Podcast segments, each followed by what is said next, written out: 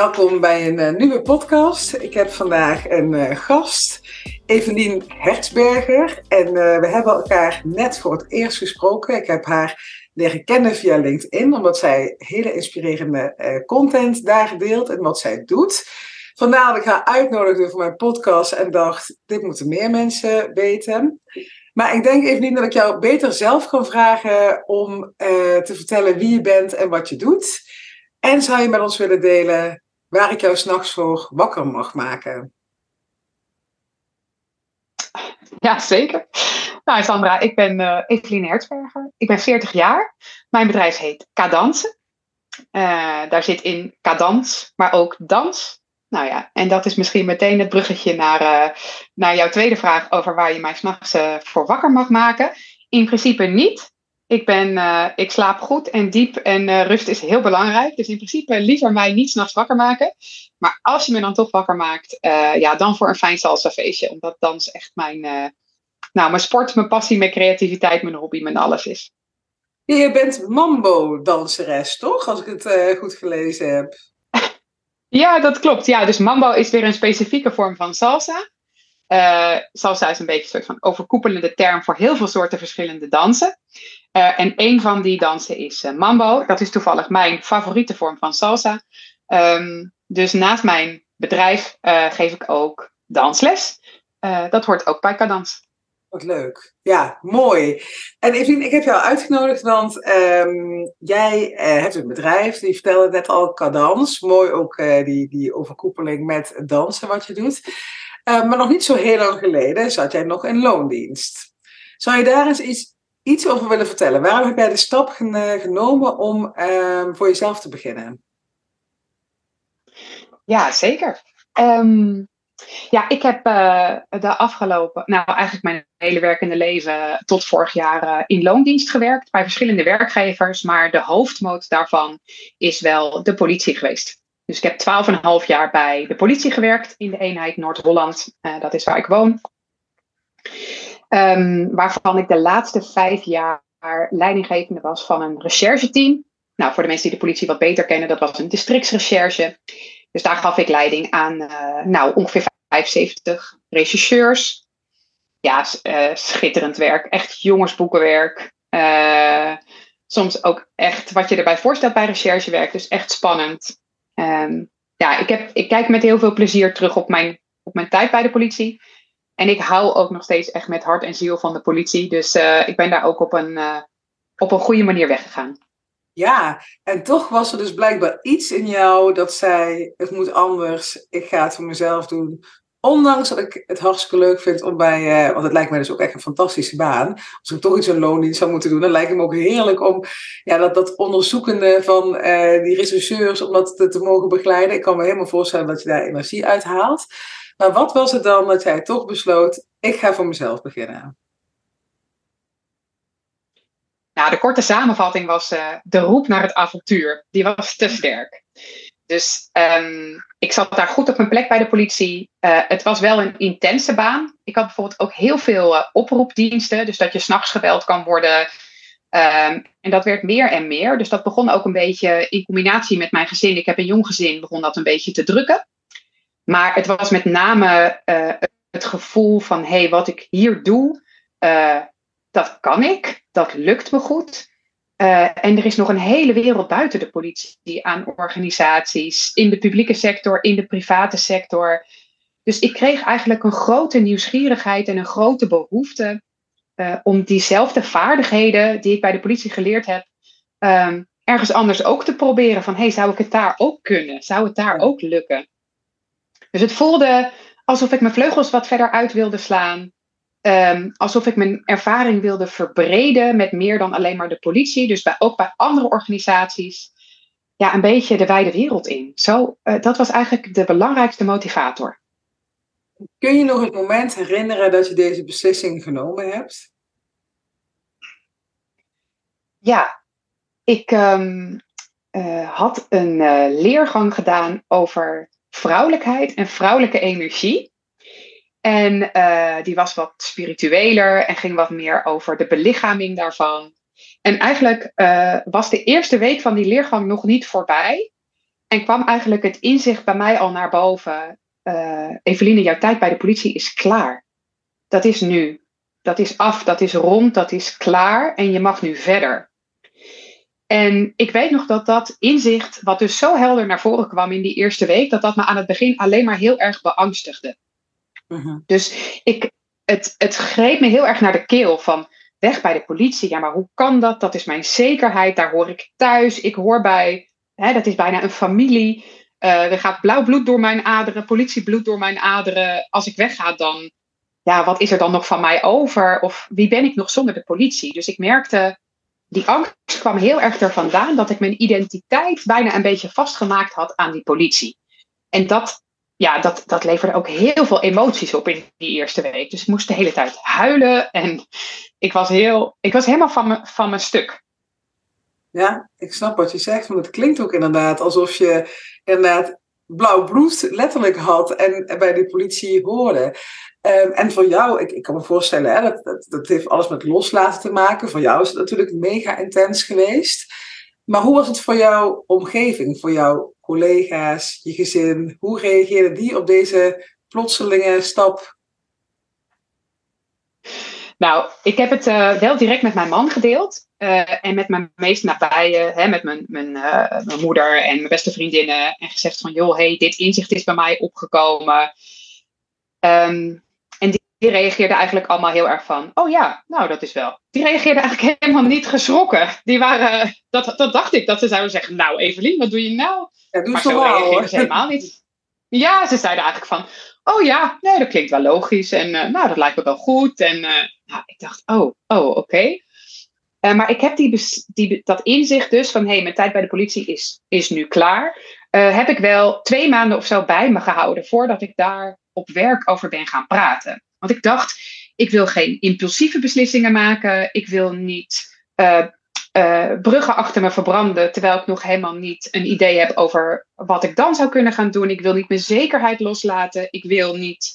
Dus ik dacht, nou, ik, ik, ik laat het inzicht even voor wat het is. Ik zet het niet in de hoek. Ik, ik hou het wel bij me, maar ik ga er niet direct acties aan ondernemen. Want ja, misschien krijg ik daar wel onwijze spijt van.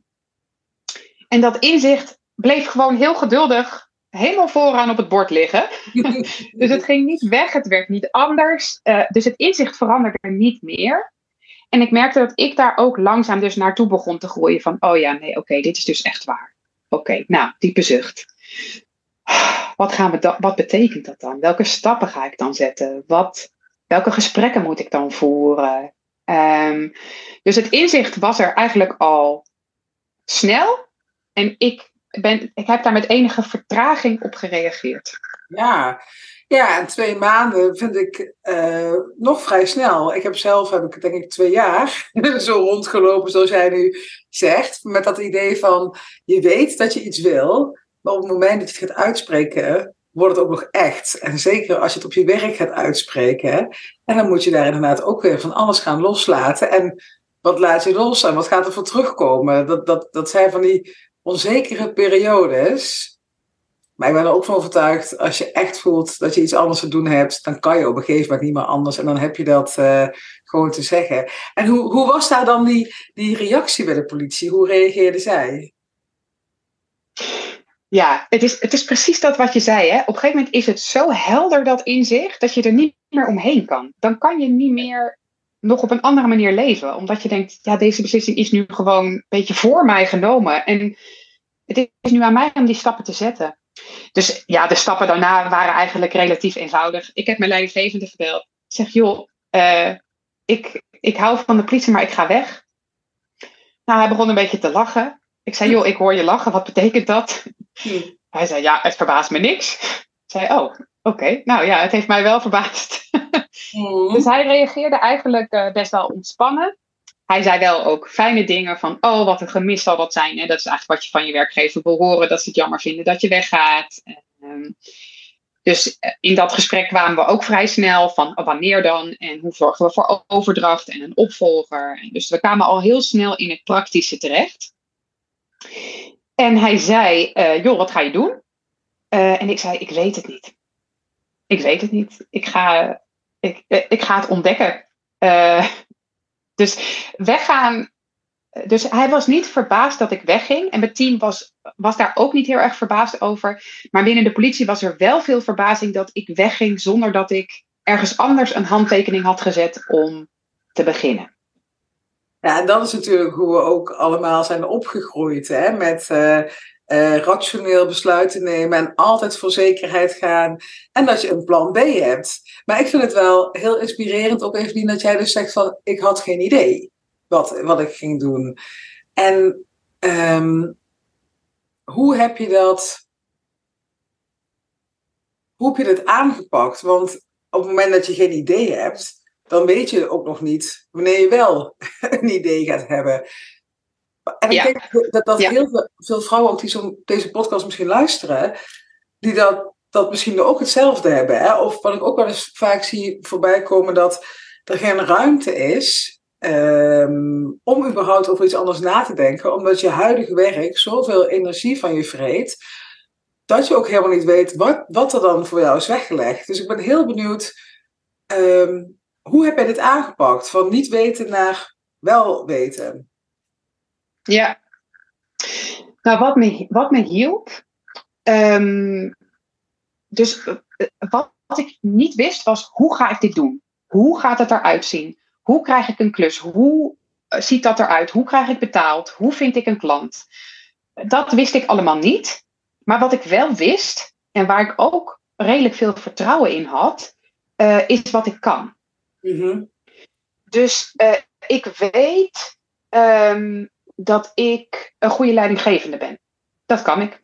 Ik kan een team leiden, ik kan een team draaiend houden, ik kan een team helpen als er gedoe is. Uh, dat is een beetje waarvoor ik zo uh, uh, ja, in de wieg gelegd ben. Dus dat wist ik. Ik dacht, hé, hey, dit is mijn vak, leiding geven. Ehm, in welke vormen zou ik dat eigenlijk allemaal kunnen doen? En ja, daar ben ik, ja, achteraf denk ik, ben ik heel onbeholpen mee aan de slag gegaan. Maar dat begin was gewoon een beetje van, nou ja, even proberen, hoe zou dit gaan, hoe zou dat gaan? Het eerste wat ik deed, ja, achteraf denk ik, oké, waarom heb je dit gedaan? Maar ja, nou, dat is maar hoe ik ben begonnen. Het eerste wat ik deed was, ik heb gesolliciteerd op een iets hogere functie bij een andere organisatie. Dus anders dan de politie. Omdat ik dacht, oh, nou, dat, dat zou wel een mogelijkheid zijn. Dus een iets hogere functie. En ik dacht, dan ga ik gewoon ergens halverwege in die procedure, als ze mij willen hebben, ga ik zeggen dat ik het uh, liever niet in loondienst wil doen, maar dat ik graag uh, op inhuurbasis wil werken. Nou, dus zo ben ik gestart. En um, die sollicitatieprocedure heeft mij twee dingen opgeleverd. Uh, A, heel veel zelfvertrouwen, omdat ze daar heel enthousiast op mij reageerden en zeiden: Oh ja, nou, oh jouw achtergrond en de politie en hoe je in het leven. Nou, leuk zeg, ja, we willen graag dat je komt. En het tweede was dat zodra ik zei: Ik wil niet in loondienst, maar ik wil, ik wil op inhuurbasis, dat ze zeiden: Ja, maar dit is een sollicitatieprocedure voor een loondienstplek dan had je dat aan het begin anders moeten. Snap je, dat kan niet. We kunnen niet halverwege de wedstrijd uh, de doelpalen verzetten. Dat ik dacht, oh ja, dat is inderdaad niet handig. Dus dat, is ja, dat was een beetje zo mijn eigen onbeholpen manier. Um, waarop ik uh, maar een manier probeerde te vinden van hoe, hoe werkt dit eigenlijk? Hoe doe je dat dan? Dus um, ik had er zelfvertrouwen van gekregen van die procedure, omdat ik dacht, oh, die vaardigheden die doen het dus ook in de markt goed. He, niet alleen maar bij de politie, maar die, kan je, die zit, liggen in de markt ook goed. En het tweede is, als je niet in loondienst wil, dan moet je dus ook niet een loondienstroute gaan bevliegen om dat te krijgen. Want anders kom je weer in loondienst. Heel, dus dat was een mooi inzicht, precies. Ja, ja dus dat heeft, die, die procedure heeft me heel veel opgeleverd. Uh, dus ik dacht, oké, dus, ik wil, dus ik wil iets leidinggevends en ik wil het niet in loondienst, ik wil op inhuurbasis. Dus een soort van interim leidinggevende. En eigenlijk de volgende hele belangrijke stap die ik toen heb genomen, kwam, kwam zo op mijn pad, hè, zoals dingen op je pad komen als je op zoek bent. Uh, iemand die zei, oh ja, ik ken wel iemand en die woont bij jou in de buurt en uh, die is ook interim leidinggevende. Als ga je een keer koffie drinken, dat, dat is wel handig. um, dus toen ben ik met, met diegene uh, koffie gaan drinken. En uh, ik zei, joh, hoe doe je dat dan eigenlijk? En hoe kom je aan klussen? En mag ik vragen wat jouw tarief is? En ho hoe doe je dat als het niet werkt? Of als je problemen krijgt? Of, en hoe ben jij verzekerd voor arbeidsongeschiktheid? En hoe doe je dat met je pensioen? Nou, ik had zeg maar honderd vragen. En uh, hij heeft mij op een heleboel dingen op weg geholpen. Dus hij heeft me in veel dingen gewoon een concreet antwoord gegeven. En over heel veel dingen zei hij. Oh, oh, daar heb ik helemaal niet zo over nagedacht. Oh, nou dat, nou, dat wijst zichzelf wel een beetje. Oh, daar kom je wel uit. Of, dus hij, over heel veel dingen waarvan ik me van tevoren zorgen had gemaakt, die relativeerde hij eigenlijk. Hij, hij relativeerde dat heel erg. Hij zei eigenlijk van, oh, ja, nou, dat komt wel goed. En, ja, een oh, voorbeeld? dat komt wel goed. Zou daar eens een voorbeeld over kunnen opnoemen? Nou, dus ik zei bijvoorbeeld, uh, wat nou als, uh, wat, heb je een uh, bedrijfsaansprakelijkheidsverzekering nodig? Want wat nou als je in een conflict terechtkomt met je opdrachtgever over een beslissing die jij hebt gemaakt en zij stellen jou aansprakelijk voor schade die is ontstaan binnen het bedrijf? Of, nou, hij zat me zo aan te kijken. Hij zei, nou, ja, dat zou theoretisch kunnen gebeuren, maar als je goed in gesprek bent met je opdrachtgever en je geeft een maandelijkse update van nou, hier ben ik mee bezig, dit zijn de type beslissingen die ik maak, weet je, ja. dan, ja, dan is de kans dat zij jou wettelijk aansprakelijk stellen voor schade die bij een team ontstaat gewoon niet zo heel erg groot. Dus ik zou me daar niet zo'n zorgen over maken. dacht ik, oh, oké. Oké, dus het ontspande mij ook heel erg in heel veel dingen waar ik over na had gedacht. Uh, daarvan zei hij eigenlijk allemaal van, nou ja, ach ja, ik doe dat al 15 jaar, het gaat eigenlijk altijd goed. Ja. Oh, oké. Ja, is eigenlijk een eerste kennismaking met um, behouden risico's nemen. Hè? Dus niet dat je gelijk uh, uh, heel heftig risico aangaat, maar wel dat je anders naar dingen ligt kijken. Je meer maar van een ondernemersblik van ja, wat zijn de kosten en wat zijn de baten? Ja, je kan je voor alles verzekeren, maar hoe groot is de kans dat ABCD? Ja. Ja, dus hij, en, en hij hielp me ook gewoon in praktische zin op weg. Oh, hier worden opdrachten aangeboden voor interim leidinggevende. Oh, als ik wat hoor, dan zal ik je wel eventjes bellen. Um, oh, je zou je hier nog in kunnen schrijven, want daar worden klussen verdeeld. Of, uh, uh, hè, dus hij, hij hielp me gewoon met een aantal hele praktische dingen ook op weg. Dus achteraf gezien is dat gewoon een heel belangrijk gesprek geweest voor mij. Um, en toen ik wegliep bij dat gesprek, toen dacht ik, het, dan, het helpt ook om woorden te krijgen. Hè? Dus oké, wat doe jij dan Evelien? Ik ben interim leidinggevende. Oké, dat gaf mij heel veel rust, omdat uh, ook op de, de cliché verjaardagse, oh, wat doe je eigenlijk? Ik ben interim leidinggevende. En als je dat met een bepaalde rust en vertrouwen durft te gaan zeggen, dan voelen andere mensen ook, oh ja, dat is zij, dat doet zij. Dan wordt dat dus onderdeel van je identiteit. En dan dat blauwe bloed laat je dan achter je en dan kies je voor die nieuwe identiteit. Ja, precies, mooi. Precies. Mooi. Ja, ja, ja. Zo ben jij eigenlijk uh, stap voor stap gaan ontdekken um, ja, hoe je het moest gaan aanpakken. En wat misschien ook wel even goed is om te vermelden, uh, want je bent zo net interim leidinggevende. Uh, kun je daar eens wat meer over vertellen? Waar, wie kan jou inschakelen? Waar kunnen we Evelien voor, uh, voor mobiliseren? Uh, wat, wat lost zij ja, op? Kan ik zeker? Ja, zeker. Nou, um, ik ben interim leidinggevende. Ik noem mezelf sinds kort uh, interim rustbrenger bij teams met gedoe. Dus wat eigenlijk mijn specialiteit is, is teams waar gedoe is ontstaan. En dat kan van alles zijn: ruzies, conflicten, onduidelijkheid um, hoog ziekteverzuim. Uh, nou, het kan, er kan van alles aan de hand zijn. Vertrekkende leidinggevende, zieke leidinggevende. Uh, mijn specialiteit is om bij die teams rust te brengen. Dus dan kom ik eerst maar eens even de brand blussen. Eerst maar eens even met elkaar van jongens, wat is hier allemaal precies aan de hand? En wat ik dan doe is in een maand of drie, vier, vijf, een beetje afhankelijk van hoe ernstig de situatie is, breng ik een team terug in rustiger vaarwater. Mm en kan ik zeggen vanaf dit moment hè, kan de leidinggevende weer zelf aan het stuur of kan er een nieuwe leidinggevende geworven worden. Of, um, dus ik ben er voor teams met gedoe uh, en ik doe dat het beste in de publieke sector. Ja. Dus um, bij de overheid. En dat kan van alles zijn. Bij een ministerie, een uitvoeringsorganisatie, een bestuursorgaan. Uh, dat kan van alles zijn. Maar daar ben ik eigenlijk op mijn best. En hoe is jouw leven nu ten opzichte van toen je dus nog bij de politie werkte? Wat zijn voor jou de belangrijkste verschillen? Um, nou, er zijn, er zijn een aantal belangrijke verschillen. Ik zit met een andere hoeveelheid zingeving in mijn werk. Um, bij de politie had ik heel veel zingeving en die heb ik nu ook, maar op een hele andere manier.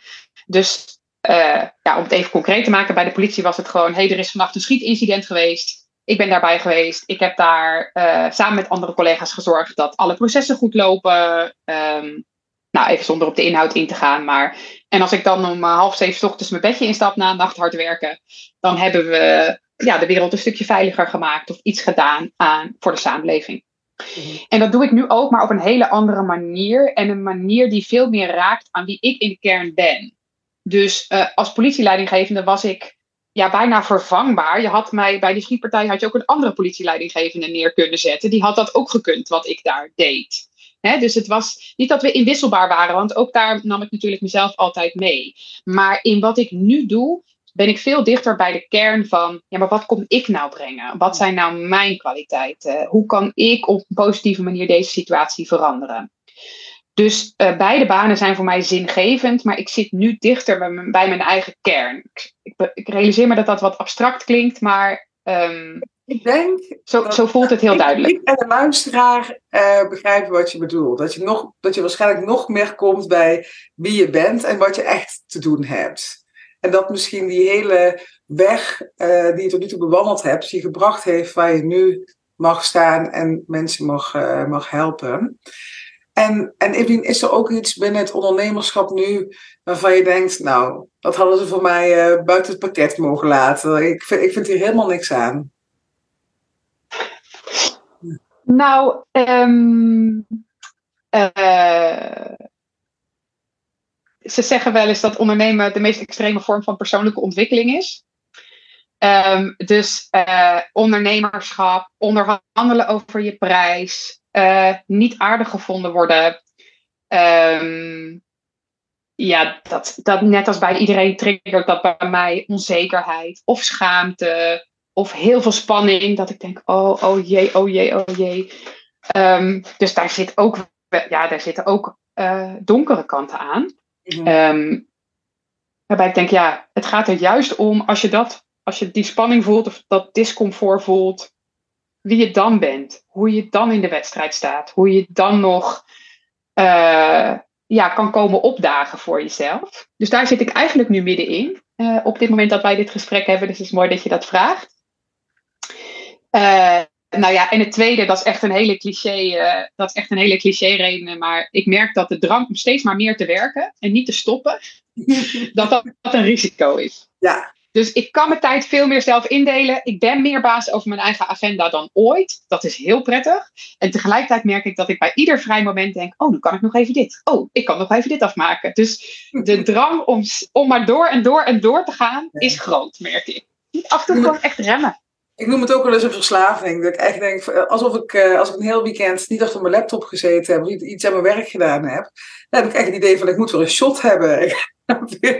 en of dat gezond is, dat weet ik ook niet. Nee, ik denk, ik denk in de basis dat ik dat, ik, dat op zich al op, op orde heb. Maar um, ja, die drang inderdaad. Ik denk dat je dat ook um, aan de ene kant als iets positiefs kan zien, uh, mits je daar... Um, jezelf in kan begrenzen. Hè? Dat je inderdaad niet uh, doorslaat naar uh, dat je ziek van je werk wordt of dat soort, uh, dat zaken. En ik ben ook nog even benieuwd, Evelien, want ik denk dat jij dan misschien door jouw ervaring ook bij de politie en alles wat je hebt gedaan, misschien ook wel een goed inzicht kan meegeven van hoe ga je dus inderdaad, wat je net zei, om met die donkere kanten van um, onzekerheid. Of inderdaad, dat, dat eh, als je eh, in een onderhandeling zit of mensen vinden je inderdaad niet aardig. Hè, dat je echt op, je persoonlijkheid wordt aangesproken. Hoe ga jij daarmee om? Nou, het beest in de bek aankijken. Dat is, uh, dat is voor mij de strategie. Dus te, tegen mezelf durven zeggen: Oh ja, hier komt schaamte naar boven. Oh, hier komt onzekerheid naar boven. Um, hier voel ik me hier voel ik me heel onzeker. Hier, hier schaam ik me bijna voor wat ik doe. Of het on oncomfortabel, spanning. Oké, die zijn er allemaal. Oké. Nou ja, en dan is mijn manier bewegen, dansen voor de spiegel, geluid maken, even mijn lijf schudden. Zodat, het, ja, zodat je het ook belichaamt, zeg maar. Zodat je lijf ook de kans krijgt om die spanning weer even los te laten. Um, benoemen en uh, inderdaad weten dat dit er ook bij hoort. Dus dat de momenten waarin je het discomfort voelt, ook de momenten zijn waarin je juist groeit als ondernemer. Oké, we zijn nu aan het onderhandelen over prijs. Oké, dat voelt super oncomfortabel. En ik merk dat dat aan heel veel onzekerheid triggert. De volgende keer is dit makkelijker voorbij door de ervaring waar ik nu in zit. De volgende keer ga ik dit beter doen. De volgende keer heb ik hier minder last van. Ik ben ook nog, ik ben pas een jaar ondernemer. Dus ik, ik voel mezelf echt regelmatig nog een beginner. Uh, dus geef jezelf ook de ruimte van, oké, misschien heb ik dit niet handig aangepakt. Oké, diepe zucht. Nou, daar, dat heb, ik dan even mee te dealen, dat ik dit niet handig heb gedaan. Dat doe ik dan een volgende keer beter. Ja, precies. En juist dat zijn vaak de momenten waardoor je eigenlijk enorm groeit en je bedrijf groeit. Hoe, hoe vaker je op je bek gaat, hoe sneller je dat bedrijf uh, de lucht in hebt. Mooi. Mooi, Evelien. Hey, en ik uh, wil je ook nog vragen, ik wil met je langzaamaan richting het einde van de podcast gaan. Um, maar ik wil je ook nog vragen van, um, um, stel je voor, hè, er, er luistert nu iemand naar deze podcast en zij denkt van, ja, wat inspirerend hè, dat, dat Evelien dat gedaan heeft. En een baan na zoveel jaren achter zich gelaten. Maar ik vind het toch ook wel heel spannend. Ondanks dat ik misschien ook wel het avontuur wil aangaan, maar ik vind het heel spannend. Wat zou je tegen zo'n vrouw willen zeggen? Ik zeg iets in het Engels, uh, Sandra. Ik zal hem zo meteen ook even vertalen. Um, if you currently work a 9 to 5 job Try your skills in the open market. Dat betekent dus, even in het Nederlands, als je nu in een 9 tot 5 baan zit, dan betekent dat dat jij vaardigheden hebt waar een bedrijf jou op dit moment voor wil betalen. Mhm. De uitnodiging is, probeer die vaardigheden eens uit op de open markt. Dus ergens waar je niet in een bedrijf zit, maar waar jij betaald wordt precies voor de vaardigheden die je al hebt, want je krijgt er al geld voor. Nu alleen nog maar van één bedrijf. Dat is de uitnodiging. Ik vind het heel verhelderend wat hij zegt, want het is dus eigenlijk, als je er zo naar kijkt, wat jij ook van jezelf wist, van hé, hey, ik kan leiding geven, geven, ik weet dat ik dit goed kan, ik ben hierin gevalideerd. Mensen waarderen mij om wat ik doe. En en dan eens inderdaad um, ook die lading eraf halen. Gewoon zeggen van, ik ga het eens proberen in de open markt. Kijken hoe het daar gaat. En inderdaad, wat is het ergste wat er kan gebeuren? Dan ga je weer terug naar waar je was. Of dan kies je een andere uh, baan of wat dan ook. Maar, um... Ja, dus dat is ook, dat is nog, als ik er nog iets aan toe mag voegen, Sandra. Ja, dus um, de markt op dit moment is in je voordeel er zullen momenten zijn dat het moeilijker gaat zijn dan nu. Er is nu gewoon, er zijn zoveel vacatures, er is zoveel werk, overal zijn mensen tekort. Dus er, er is geen beter moment om de stap te gaan maken naar freelancen dan nu. Ehm, en het is nu ook zo dat als dat op de een of andere manier niet werkt voor je, je vindt het te spannend, je ligt er s'nachts wakker van, je krijgt niet genoeg inkomsten. Uh, ja, ik zeg altijd, als ik de politie bel, sta ik morgen weer op de schietbaan. Weet je, dan ben ik gewoon morgen weer aan het werk. En dat is geldt op dit moment bij heel veel bedrijven in loondienst of heel veel organisaties die gewoon mensen in loondienst hebben. Iedereen zit om mensen te springen. Dus als het niet lukt met je freelancer of je onderneming, um, dan is er op dit moment gewoon de, het vangnet van hey, er zijn overal vacatures. Ja. Dus het is, de tijd is nu. Ja, ben ik met je eens. Tegelijkertijd hoor ik ook wel eens um, um, vrouwen in mijn omgeving die dan zeggen, ja, nu is de tijd goed, maar wat is het straks weer? Hè? Dat, dat, hebben we natuurlijk, die golfbewegingen, hè? van dan gaat het wel goed, dan gaat het wel wat slechter met de economie of met uh, de arbeidsmarkt. Maar tegelijkertijd geloof ik dus ook dat, dat dit, wat jij zegt, hè, als je het wil proberen, ga het vooral nu doen. Maar je hoeft niet bang te zijn voor een mindere tijd. Want je gaat je ondernemerskills ga je laten groeien. En je gaat zorgen dat, jij, eh, dat de markt eigenlijk niet meer om jou heen kan. Dat wat jij aan te bieden hebt, dat dat altijd van waarde is. En als dat niet meer zo is, dan ga je je aanbod weer veranderen. Uh, dus ik geloof dat je er echt op mag vertrouwen. En daarnaast ook, dat wil ik ook even een praktisch tipje even meegeven. Uh, we hadden het daar in de voorbespreking al over, Evelien, dat Um, dat als uh, intrimmer, in jouw geval, verdien je nou eenvoudigweg veel meer dan dat je in loondienst doet. En dan kan je zeggen van, nou, dat geld uh, ga je lekker spenden. Of je gaat dat heel handig, praktisch investeren. Zodat jij ook iets hebt op het moment dat het misschien wat minder gaat. Want ja, je hebt vaak toch even als intrimmer, nou, in een zomerperiode misschien, als je even één, twee maanden niks hebt. Ja, dan wil je niet alleen een buffer hebben, maar dan wil je ook dat er aan de achterkant je geld door blijft groeien. Dat je, dat je het belegt of uh, in vastgoed investeert of whatever uh, voor jou werkt. Maar kijk daarnaar als een ondernemer. Um, en kijk verder dan alleen vandaag. Dat zou ik, ik er uh, nog aan toe willen voegen. Um, ja, en, en tenslotte Evelien, wil jij nog, hebben wij iets ehm, vandaag niet besproken wat we nog de wereld in, in mogen slingeren? Zou jij de luisteraar nog iets mee willen geven? Uh, nou, ik denk dat we echt de belangrijkste dingen wel besproken hebben. Ik vond het ook een ontzettend leuk gesprek. Dus ik wil je alvast bedanken, Sandra. Want ik heb er zelf ook weer heel veel aan gehad, merk ik. Nee, het laatste, de laatste, het laatste wat ik nog mee wil geven is een uitnodiging tot een bepaalde speelsheid. Dus um, we zijn allemaal heel verantwoordelijk. We hebben misschien gezin om voor te zorgen, een hypotheek om te betalen. we hebben onzekerheden. Um, maar het leven mag wel wat speelser. En als ondernemer, ondernemen is echt de speeltuin in met jezelf. Dus um, dat zou ik er nog aan willen toevoegen. Ik gun heel veel vrouwen, ook mannen overigens. Ik gun de wereld wat meer speelsheid. En ondernemen is uh, de allergrootste uitnodiging tot speelsheid die ik me kan bedenken. Nou, ik krijg helemaal kippenvel, Evelien, want um, dat is precies wat het is. Weet je wel, want je kan wel iedere dag naar je werk. Nou, jij had er niet zo'n zo'n standaard 9 tot 5 baan, maar veel mensen hebben een hele uh, saai stramien eigenlijk in hun leven. En oh, wat kan het inderdaad het leven weer uh, meer kleur krijgen als je dat avontuur dus inderdaad uh, aangaat en gaat spelen en jezelf ook weer gunt om leerling te zijn. Want je hebt heel veel te leren en te doen en te ontdekken. Er is een hele andere wereld voor je weggelegd, uh, buiten dat vaste kadertje wat, um, wat je nu gewend bent. En even nog even als allerlaatste, als we, jou, uh, als we meer over jou willen weten, als we met jou in contact willen komen, waar vinden we jou? Nou, het makkelijkst op LinkedIn. Dus Eveline Hertzberger. Er is maar één iemand die zo heet, dus je vindt mij direct op LinkedIn. Uh, ja, op mijn website www.kadansen.nl. C-A-D-A-N-S-E.nl. Kadansen.